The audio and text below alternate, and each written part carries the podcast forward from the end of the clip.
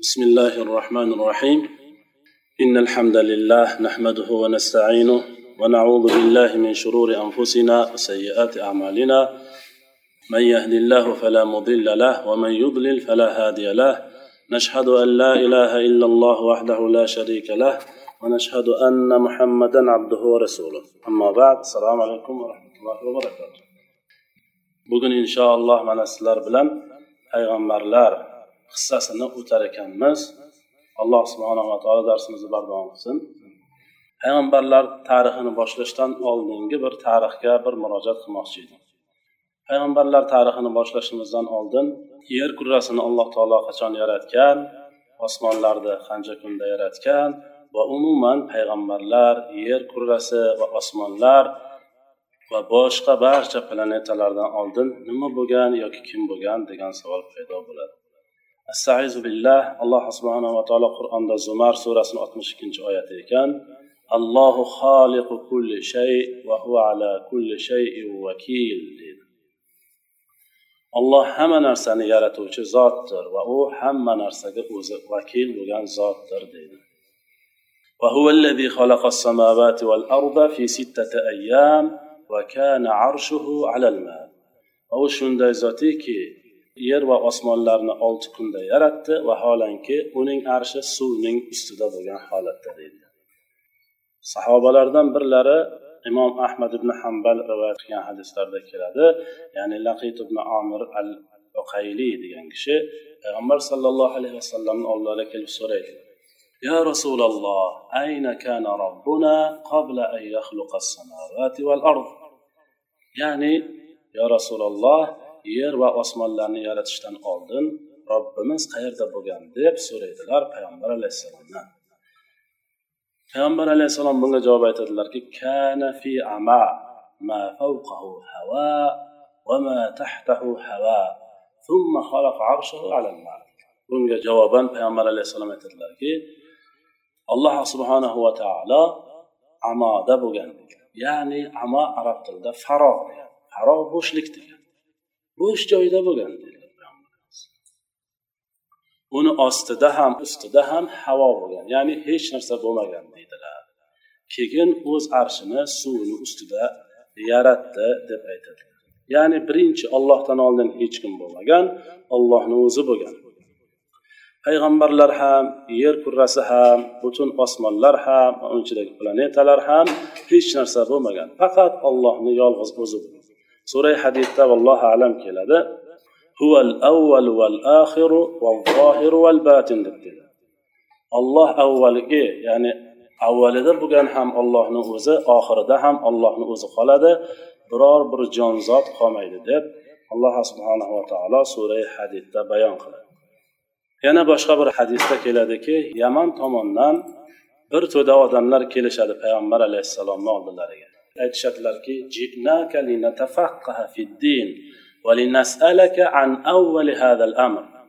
biz sizni oldingizga keldik dinni yaxshiroq tushunaylik deb va sizdan mana shu ishni ya'ni birinchi yaratilgan narsa haqida so'ramoqchimiz. Nima deysiz shunga? deb so'raganlarda payg'ambar alayhissalom aytadilarki faqat ollohni o'zi bo'lgan. Va undan oldin biror narsa bo'lmagan.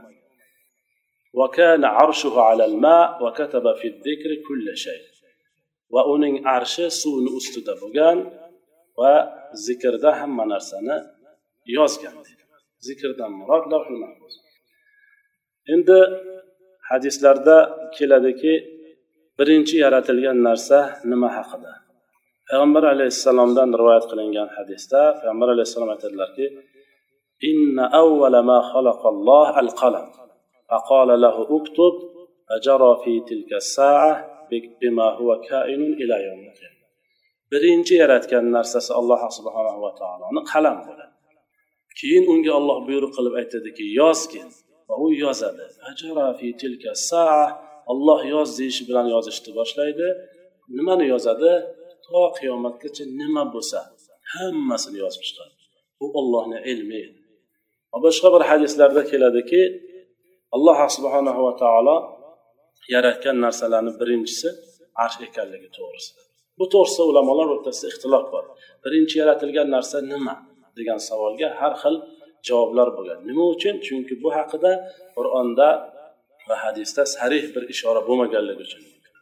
Birinchi yaratgan narsa qalammi yoki arshmi yoki suvmi degan savolga har xil javob ba'zi bir ishoralarda hadislarda chiqib keladiki birinchi yaratilgan narsa arsh deb. Vallohu alam. Lekin ulamolar bu ikkita hadisni o'rtasini jamlash uchun aytadilarki birinchi yaratilgan narsa qalam degan hadis ham bor.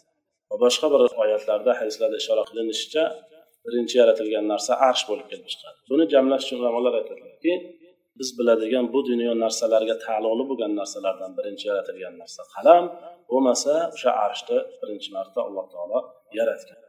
endi arshni birinchi yaratgan bo'ladigan bo'lsa arshdan keyin qalam qalamdan keyin hamma narsani alloh subhanaa taolo yaratgan bir kuni abu hurayra roziyallohu anhu aytadilarki ahaza rasululloh sollallohu alayhi vasallam biyadi qol خلق الله التربة يوم السبت وخلق الجبال يوم الأحد وخلق الشجر يوم الاثنين وخلق المكروه يوم الثلاثاء وخلق النور يوم الأربعاء وبث فيها الدواب يوم الخميس وخلق آدم بعد العصر من يوم الجمعة ya'ni alloh subhanava taolo yer va osmonni yaratgandan keyin birinchi tuproqni ya'ni yerni o'zini yaratishligi shanba kuni bo'ladi dedilar tog'larni esa yakshanba kuni yaratdi dedilar daraxtlarni esa dushanba kuni yaratdi dedilar makruh narsalarni seshanba kuni yaratdi dedilar Makruh narsalar kasallik va hokazo baxtsizlik shunga o'xshagan narsalar.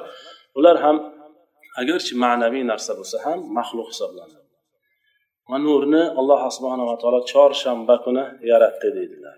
Va yer kurrasida hayvonlarni payshanba kuni tarqatdi dedilar va odamni esa juma kuni asr namozidan keyin shom namozigacha bo'lgan vaqtda alloh subhanava taolo odam alayhissalomni yaratdi. Ya'ni odam alayhissalom birinchi yaratilgan narsa emas odam alayhissalom oxirgi yaratilgan narsasi hadisni davomida payg'ambar alayhissalom aytadilarki آخر خلق في آخر ساعات من ساعات الجمعة فيما بين العصر إلى الليل ya'ni oxirgi yaratilgan xalq odam alayhissalom bo'ladi juma soatlarining oxirgi soatida yaratgan ya'ni hatto rasululloh o'zlari aytyaptilar asr bilan kechasigacha. Ya'ni asr bilan shomgacha bo'lgan vaqtda alloh subhana taolo odam alayhissalomni yaratgan deydilar. Bu yerda odam alayhissalomni yaratishdan oldin alloh subhanava taolo farishtalarni yaratgan. Farishtalar ular kimlar? Farishtalarni alloh taolo nimadan yaratgan? Deyilganda hadisda keladi xuliqatil malaikatu min nur.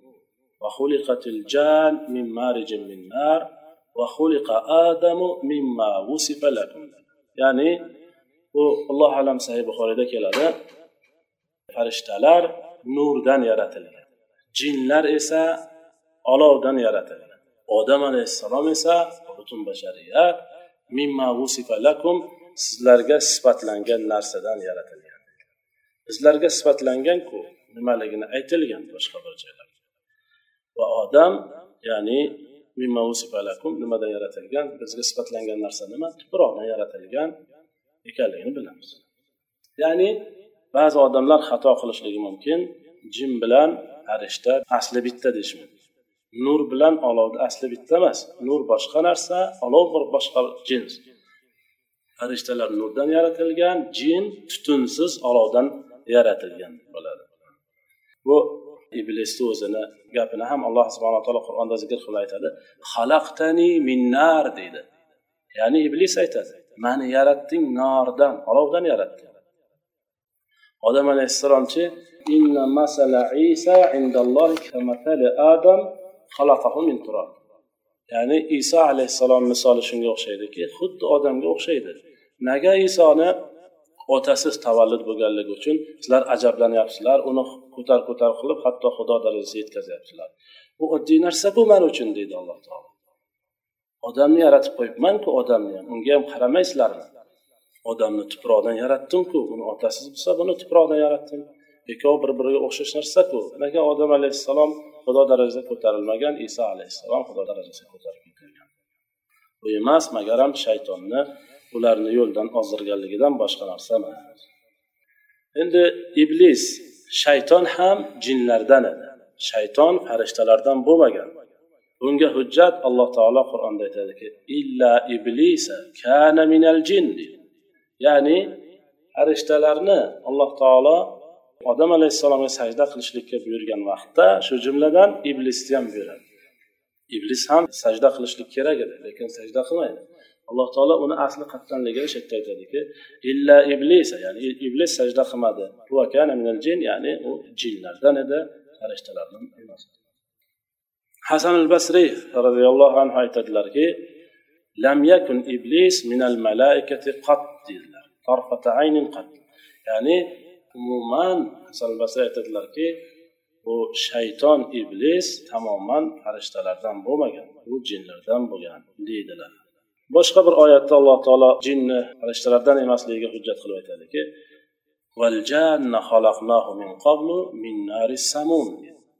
biz jinlarni yaratgan edik odamdan oldin samum olovidan. Samum degani tutuni yo'q olovdan biz yaratganmiz deydi. Ya'ni jinlardan bo'lgan shaytonni ham alloh taolo tutunsiz olovdan yaratganligiga hujjat qilib qur'onda keltiradi.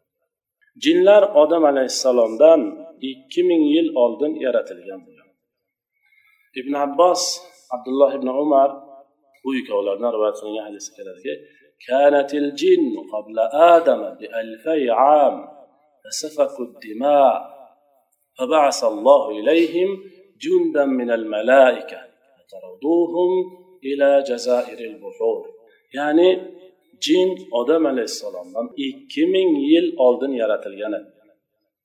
Bas ular yerda fasod tarqatdi. Yerda odam yo'q faqat jinlar yashar edi u vaqtda. Ular fasod tarqatib buzg'unchilik bilan shug'ullanib yuraverganlaridan keyin alloh taolo ularga bir guruh farishtalarni jo'natadi. Farishtalar bilan jinlar o'rtasida qattiq jang bo'ladi. O'shanda jinlar mag'lub bo'lishadida farishtalar ularni olib borib jazairil buhur ya'ni dengizlarning yarim oroliga olib borib tiqib qo'yishadi. Hozirgi vaqtgacha ham jinlarni makoni o'sha yer deydilar ya'ni misol uchun har bitta oblast poytaxti bo'lganday jinlarni markazi o'sha yarim orol deydi shayton o'zi asli jinlardan bo'lsa u yerda yashar edi osmonda emas edi. U yerda yashar edi u juda alloh subhanava taologa itoat qilgan. Ollohni buyurgan narsasini qilib qaytargan narsasidan qaytib taqvo qilib hatto amali xuddi farishtalarni amaliga o'xshab ketadigan darajada bir olim kishi edi. Ba'zi bir hadislarda ishora qilib kelinadiki shaytonni ham arshi bor edi. Yerda suvni ustida. Alloh subhana taoloni arshi bo'lgan. Yetti qavat osmonni ustida suvning ustida uni ustida arsh turadi deb hadislarda keladi. Endi bu odam alayhissalomdan oldin bo'lgan maxluqotlar ba'zi ulamolar aytadilarki mana shu yer va osmonni olti kunda yaratdi ikki kunda yerni to'rt kunda osmonni yaratdi alloh subhanaa taolo va yer ustidagi narsani yetti kunda yaratdi. Hozir biz uni aytib o'tdik. Shanba kuni yerni yaratgan yakshanba kuni tog'larni yaratgan va hokazo oxiri juma kuni kelib odam alayhissalomni yaratganliklari to'g'risida gapirib o'tdik bu ya'ni yerni ustidagi narsalar ular yetti kunda yaratilganligiga ishora qiladi. Ana endi alloh subhanaa taolo odam alayhissalomni yaratishlikni xohlaydi. Odam alayhissalom birinchi nabiy bo'ladilar. Ixtilof bor ulamolar o'rtasida. Odam alayhissalom rasulmidilar nabiymidilar. Lekin alal asah odam alayhissalom rasul bo'lmaganlar nabiy bo'lgan avvalgi darsimizda biz aytib o'tdik rasul bilan nabiyni ta'rifini. Shu jumladan ulamolarni ta'rifida keladiki kofir qavmga jo'natilgan kimsaga rasul deyiladi. Musulmon qavmga jo'natilgan kimsaga u nabiy deyiladi. Odam alayhissalomni farzandlari hammasi iymonli odamlar. Hatto qobil ham. Faqat gunoh kabira qilganligi mashhur. Buni ham keyingi qissamizda o'tamiz inshaalloh. Birinchi nabiy odam alayhissalom. Alloh taolo qur'onda aytadiki man odamni va jinlarni faqat o'zimga ibodat qilish uchun yaratdim. Alloh bizani ibodatimizga muhtoj emas lekin allohni asmo va sifatlari bor chiroyli ismlari va ulug' sifatlari bor.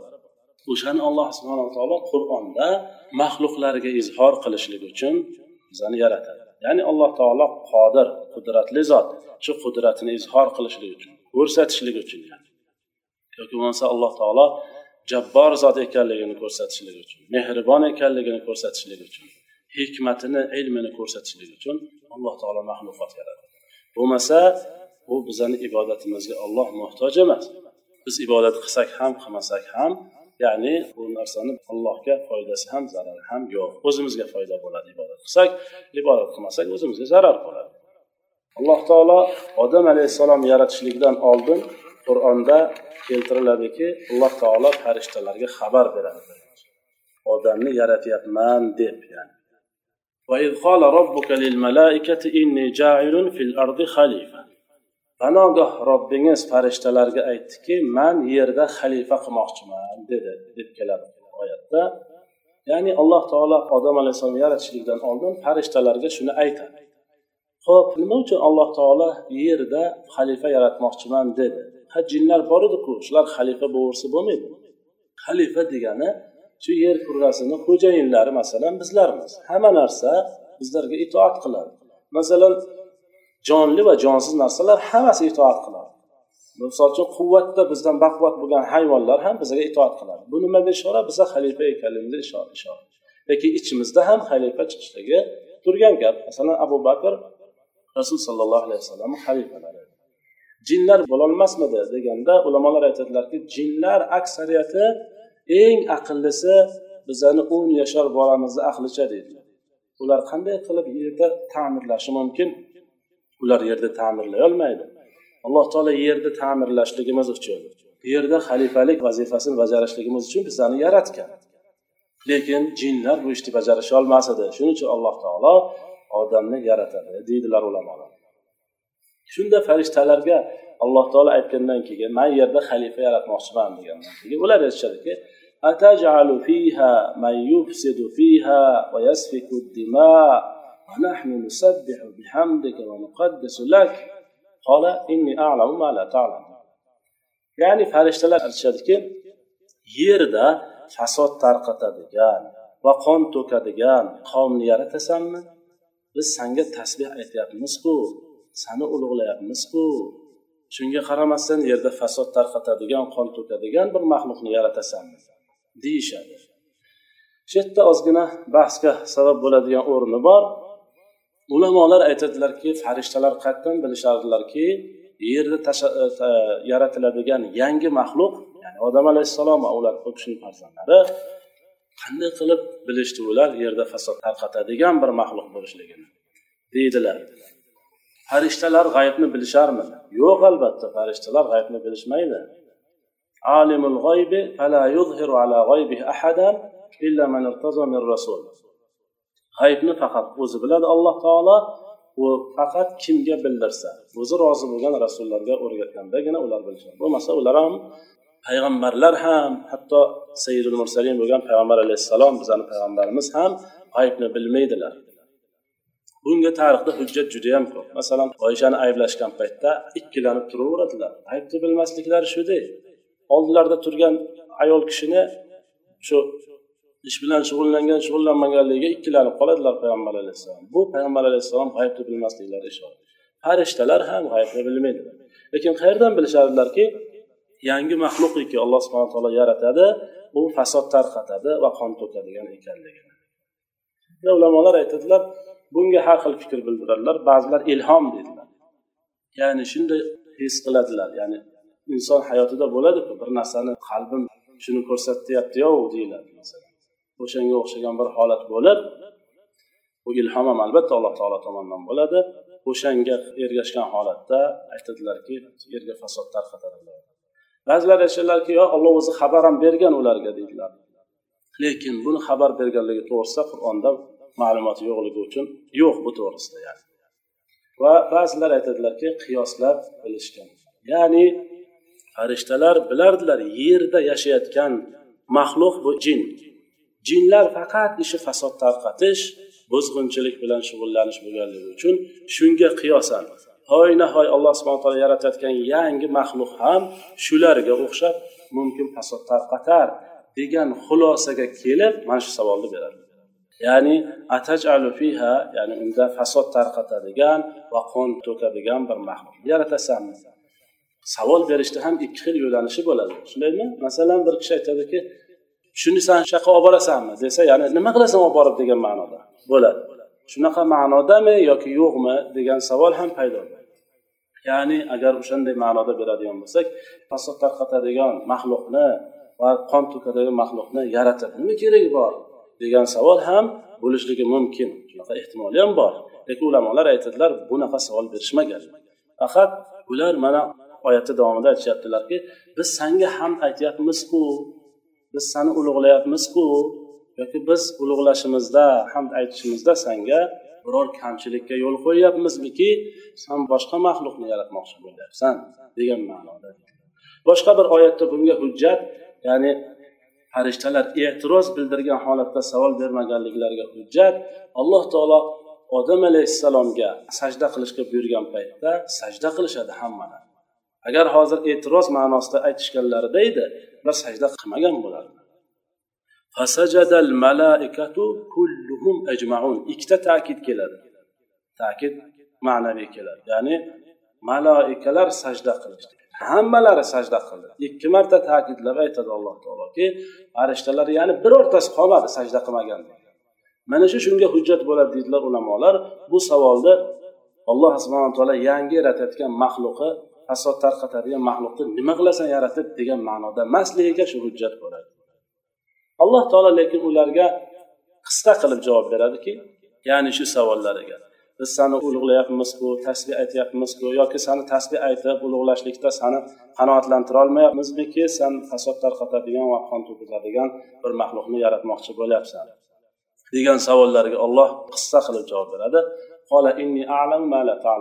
Man bilaman sizlar bilmaydigan narsani deydi. Tamom. Ulamolar buni sharhida aytadilarki ya'ni alloh taolo nimaga ishora qilgan edi? Bu bilan sizlar faqat fasod tarqatadigan qon to'kizadigan tomonni bilganliklari bilan ularni ichida solihlari bo'ladi shahidlari bo'ladi siddiqlari bo'ladi nabiylari bo'ladi rasullari bo'lishligini ular bilishmas edi. Alloh shunga ishora qilib aytadiki inni a'lamu ma la ta'lam. Man bilaman sizlar bilmaydigan narsani deb qissa qilib javob berib qo'ya qoladi. Lekin ba'zi bir rivoyatlarda kelarkanki farishtalar o'zaro qolishganlarida aytishadiki robbimiz rob endi. Ya'ni bizani xo'jayinimiz nimani xohlasa shuni yarataveradi. Nimani yaratsa yaratsinu. Lekin baribir biz o'sha yaratilgan narsani eng olimi va eng ulug'i biz bo'lamiz. Nima uchun? Chunki farishtalar bilishardilar atrofdagi maxluqlar qanaqa ekan jinga ham taqqoslab shuni aytadilarki mayli rob taolo nima xohlasa shuni qiladi. Lekin baribir biz ulardan ulug' bo'lamiz. Baribir biz ulardan donoroq bo'lamiz deyishadilar. Shunda alloh subhanahu va taolo odam alayhissalomni yaratishlikni boshlaydi. Ya'ni yerdan tuproq olib kelishlikka alloh taolo bir to'da farishtani jo'natadi. Bir guruh farishtalar yerga kelib yerdan tuproqni ko'tarib ollohni huzuriga osmonga olib ketadilar. Tuproqni hadisda kelishicha إن الله خلق آدم من قبضة قبضها من جميع الأرض فجاء بنو آدم على قدر الأرض فجاء منهم الأبيض والأحمر والأسود وبين ذلك والخبيث والطيب والسهل والهزل وبين ذلك صحيح حديث deb keltirilyapti imom ahmad rivoyat qilgan hadis. Ya'ni alloh taolo odam alayhissalomni yerda har tarafidan olingan tuproqdan yaratdi deyiladi hadisda. Shuning uchun ham odam bir xil emas hatto rangi ham har xil. Oq rangda bo'ladi qizil rangda bo'ladi qora rangda bo'ladi. Xuddi shuni misolini yerda ko'rishingiz mumkin. Oq tuproq qora tuproq qizil tuproq bu narsa yerda bor. Shu narsa xuddi odamda ham bor. Yana buni hadisda bayoni kelyaptiki yerni yomoni bo'ladi yaxshi bo'ladi qattig'i bo'ladi. Va shunga o'xshagan. Odamni ham xuddi shunday yumshoq tabiatli odam bo'ladi tabiati qattiq odam bo'ladi uncha munchaga yumshamaydigan odam bo'ladi. Yoki bo'lmasa shuni o'rtacha odam bo'lishi mumkin. Ya'ni na yumshoq na qattiq qo'l odam. Ya'ni o'rtacha odam bo'lishi mumkin. Nima uchun? Buni payg'ambar alayhissalom aytyaptilarki chunki yer har xilda tuproq har xilda asl har xil bo'lganligi uchun odam ham har xil bo'ladi. Buni isbotini yigirma birinchi asrda juda yaxshi bilamiz. Hatto shuni isbotlashganlar ham odamdagi hujayralar yerda topilishligini buni bilish qiyin emas. Internetga kirilsa darhol chiqsa kerak allohu alam. Endi alloh taolo bir to'da farishtalar yerni har joydan tuproqni allohni huzuriga ko'tarib borishgandan keyin alloh subhanaa taolo odamni yaratishlikni boshlaydi. Ya'ni tuproqdan yaratiladi. Buni tasdig'ini hozir aytdik. Inna masala isa indallohi kamasali adam xalaqahu min turab isoni misoli xuddi odamga o'xshaydi. Odamni tuproqdan yaratgan. Ya'ni bu yerda hujjat nima? Tuproqdan yaratilganligi hujjat shu. Alloh taolo to'rtta narsani qo'li bilan yaratadi. Bittasi arsh. Arshur rahmon qo'li bilan yaratadi. Tartib bilan aytadigan bo'lsak birinchi arsh. Keyin qalamni alloh taolo qo'li bilan yaratgan. Keyin odam alayhissalomni alloh taolo qo'li bilan yaratgan. Jannati adn adn jannatini ham alloh taolo qo'li bilan yaratgan. Mana shu to'rtta narsani alloh taolo o'z qo'li bilan yaratgan deydi. Lekin ba'zi bir oyatlarga qaraydigan bo'lsangiz ba'zi bir oyatlar biz odamni yaratdik. Buni misoli shunga o'xshaydiki iso isoni otasi yo'q lekin odamni ham otasi yo'q edi. Deyilgan oyatda biz uni tuproqdan yaratganmiz. Chunki deb keladiku undan tashqari ba'zi bir oyatlarda loydan yaratganmiz. Lekin buni tafsirida ulamolar aytadilarki loydan bo'lganligi o'sha tuproqqa ozgina suv qo'shiladida loy bo'ladi. Loy bo'lgandan keyin loydan yaratdik deydi. Ba'zi oyatlarda keladi biz uni yaratdik min tinil lazib deb keladi. Balchiqdan yaratdik deb keladi. Tinil lazib lazib degani shilta loy. O'shandan yaratdik deb keladi. Bunga nima deyiladi desa suvni ko'proq qo'shiladida u shu balchiq bo'ladi. Yana bir boshqa bir oyatda keladiki min salsalin kal fahhor salsoldan yaratganmiz xuddi fahhorga o'xshaydi. Salsol degani kuydirilmagan loyni salsol deydi. Fahhor kuydirilgan loy. Yoki ba'zi bir oyatlarda keladiki min hama masnun hama masnun. Ya'ni hidi bo'lgan qora loydan yaratganmiz. Hammasini ulamolar jamlab aytadilarki bu oyatlarni hammasi ya'ni jamlamoqchi bo'lsangiz mana shunday buni tafsiri shu deydilar avval tuproq bo'lgan suv qo'shilgan tiyin bo'lgan keyin suv ko'proq qo'shilgan tiyin lozim bo'lgan keyin uni hamma masnun bo'lishligiga sabab ya'ni hidlangan hidi sal keladigan qora loy bo'lishligiga sabab ozgina turgan degan loy turavergandan keyin u sal qorayib rangi har xil bo'lib sal hidi ham chiqishligi mumkin keyin oxiri rosa qotib qurib bo'lgandan keyin salsolga aylangan ya'ni salsol degani pishiq loy deydi lekin kuydirilmagan. Biza pishiq g'isht deydiku kuydirilgan g'ishtni aytadi. Shunga o'xshab alloh taolo kuydirilmagan loydan biz uni yaratganmiz. Lekin uni hatto alloh taolo misoli ham keltiradiki loy qotgandan keyin salsol bo'ladi uni sopolni siz ursangiz ovoz chiqadiku ana shunga o'xshab ketadigan darajada biz uni quritdik ya'ni ya'ni ba'zi bir oyatlarda aytiladiki tuproq ba'zi bir oyatlarda loy lozib salsal hamammasun hammasi ya'ni haqiqat. Biror bir qur'onni oyatlari bir biriga zid emas buni faqat tushunishlikka bog'liq bo'ladi. Odam alayhissalomni alloh taolo tuproqdan loy loydan sopol shakliga keltirgan vaqtda odam alayhissalomni o'zi qo'li bilan shakllantiradi. Kallasi qanaqa bo'ladi yelkasi qanaqa bo'ladi oyoqlari qanaqa bo'ladi hammasini alloh taolo o'z qo'li bilan qiladi. Bunga hujjat alloh taolo shaytonga xitob qilayotgan paytda limalam tasjud lima xalaqtu biyadayya deydi nima uchun san sajda qilmading? Ikki qo'lim bilan yaratdim bu man buni deydi ya'ni man uni shunday kun fayakun bir bo'l desam bo'lib qo'yaverardi lekin man shunday bo'l demadim o'zim e'tibor berib o'zim unga vaqt ajratib mana shuni yaratdim shuni. Lekin san qilyapsanku degan vaqtda ya'ni bu nimaga ishora? Lima xalaqtu ikkita qo'lim bilan yaratdim bu nimaga ishora? Ollohni ikkita qo'li borligiga ishora. Lekin kayfiyati shakli bizlarga qorong'u. Biza odatda hayotda ko'rgan qo'llarimizni darhol tasavvur qilavermaylik. Bu noto'g'ri bo'lib kelib chiqadigan tushuncha bo'lib qoladi. Chunki mantiqda allohu alam bir qoida borki inson bir narsani ko'rmasa tasavvur qilolmaydi. Misol uchun avvalgi tarixda o'tgan odamlarga samolyot haqida gapirsangiz tasavvur qilisholmaydi. Yoki siz misol uchun ba'zi bir narsani aytiladigan bo'lsa shakli bunaqa bunaqa desa bir ko'rsam bo'lardi deysiz. Ya'ni ko'rmasangiz tasavvur qilolmaysiz. O'zingizcha nimalarni tasavvur qilishingiz mumkin? Lekin u xato bo'lib chiqishi mumkin? Shuning uchun ulamolar aytadilarki ollohni ikkita qo'li bor ahli sunna va jamoa buni tasdiqlaydilar. Ba'zilar lekin buni ikkita qo'li emas deyishadi. Bu qudrati bilan yaratdi deyishadi. Bu adashgan toifalar shunaqa ollohni qo'li yo'q. Qo'li desak maxluqqa o'xshatgan bo'lamiz degan har xil safsatalarni keltiradilar. Ollohni ikkita qo'li bor. Bu haqida alloh taolo qur'onda o'zi aytyapti. Ularni ziddiga hujjat shunday keltiradilar ulamolar. Lima lam tasjud lima xalaqtu bi yaday. Yaday kalimasi ikkita qo'l degan. Aslida yaday niya bo'lgan nahvini bilganlar bular yaxshi bilishadi. U ollohni qudrati ikkitamidi deydilar ulamo boshqa qudrati yo'qmidi deydilar bu ham ularni qur'onni noto'g'ri tushunib qo'yganliklariga hujjat bo'ladi.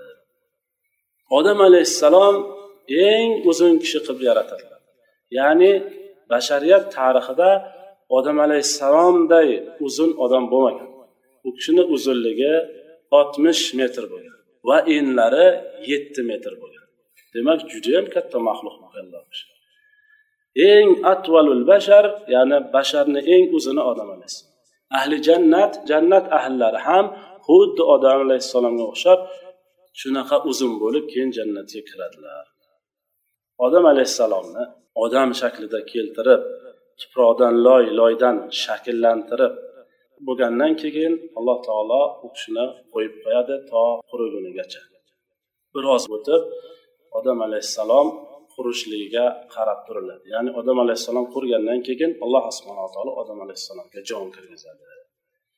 Jon kirgizishi haqida keyingi darsda o'tamiz inshaalloh. Subhanakallohumma bihamdik.